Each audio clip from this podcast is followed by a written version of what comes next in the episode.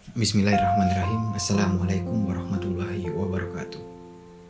Puji syukur kehadirat Tuhan yang Maha Esa. Aku bersaksi bahwa tiada Tuhan selain Allah Dan Muhammad ialah utusannya. Pada kesempatan kali ini Aku diberi amanah sekaligus kesempatan untuk berbicara dalam podcast Mubalik Moderat IMM Podcast ini juga menjadi salah satu ikhtiar kita para kader IMM FSBK dalam melangsungkan dakwah persyarikatan Muhammadiyah.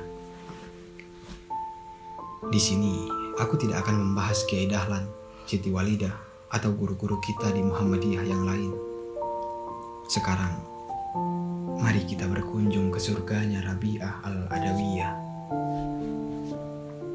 Kita sebagai kaum muda muslim yang menghabiskan masa kecilnya di Indonesia, artinya kita juga diasuh terbiasa, dan mendapat pendidikan Islam mula-mula dalam kultur Indonesia. Dari sebagian besar di antara yang banyak, ada yang paling kuingat ketika kecil aku belajar Islam, yakni bahasan soal surga dan neraka.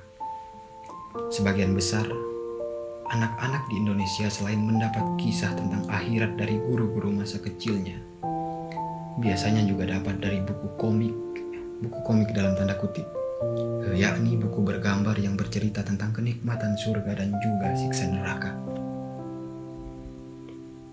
Pada buku itu, digambarkan bahwa surga adalah tempat yang begitu indah, rindang, sejuk, tempat sungai-sungai mengalir, tempat di mana buah-buah segar dapat kita petik, kemudian kita makan hingga kenyang. Luar biasa sekali gambaran tentang surga dengan segala nikmat yang menyertainya. Berbeda dengan surga, gambaran tentang neraka begitu merah menyala. Api memenuhi segenap penjuru. Ditambah lagi dengan bermacam model siksaan yang ada padanya. Intinya, kedua buku tersebut ingin menyampaikan sesuatu untuk kita. Bahwa sejatinya sebagai umat muslim, surga merupakan akhir pemberhentian dan neraka ialah tempat yang harus kita hindari. Dan memang begitulah semestinya. Namun kemudian pada akhirnya banyak dari kita beribadah kepada Allah hanya karena takut pada neraka dan berharap kepada surga. Bukan kemudian hal tersebut tidak dibenarkan, tapi tentu keliru jika surga dan neraka jadi satu-satunya motivasi dalam beragama. Agama tak sesempit persoalan tentang takut pada neraka dan berharap dimasukkan ke dalam surga. Tuhanku, tenggelamkan aku dalam cintamu, hingga tak ada satupun yang menggangguku dalam jumpamu. Tuhanku, bintang gemintang berkelip-kelip, manusia terlena dalam buai tidur lelap, pintu istana pun telah rapat. Tuhanku, Demikian malam pun berlalu, dan inilah siang datang menjelang. Aku menjadi resah gelisah. Apakah persembahan malamku engkau terima? Hingga aku berhak mereguk bahagia. Ataukah itu kau tolak hingga aku dihimpit duka? Demi kemahakuasaanmu, inilah yang akan selalu kulakukan selama kau beri aku kehidupan demi kemanusiaanmu. Andai kau usir aku dari pintumu, aku tak akan pergi berlalu karena cintaku padamu sepenuh kalbu. Begitulah Rabi'ah al-Adawiyah menyampaikan kritiknya dalam syair yang luar biasa indah.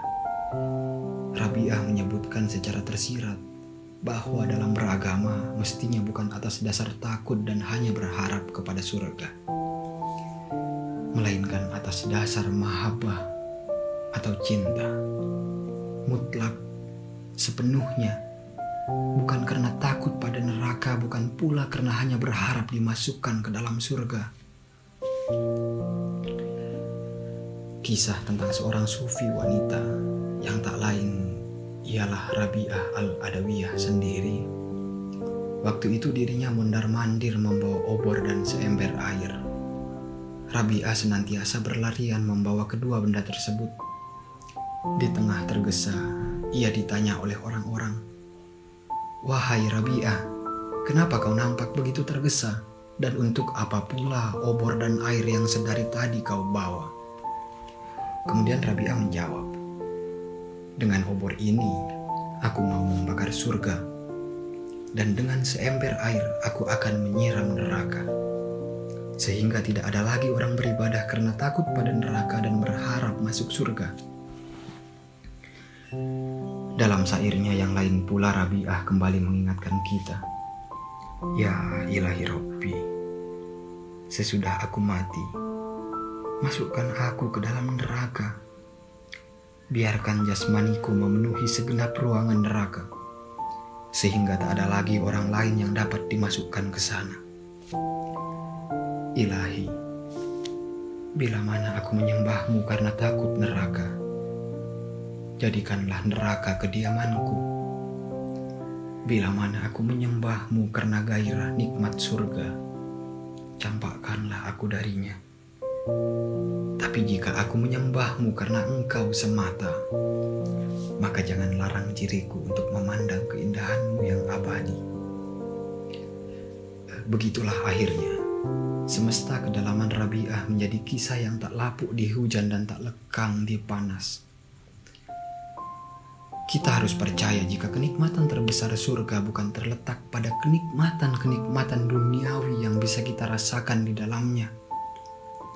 Bukan karena di sana sejuk, bukan karena di sana mengalir sungai-sungai surga, bukan karena di sana kita akan bersuah dengan beribu bidari, tapi karena di surga kita termasuk ke dalam orang-orang yang memperoleh ridhonya. Di akhir, aku sampaikan semoga kita tetap dijaga semangatnya untuk senantiasa menerjemahkan billahi fi sabilil haq fastabikul khairat lewat pikiran, perkataan, dan perbuatan. Wassalamualaikum warahmatullahi wabarakatuh. IMM Jaya.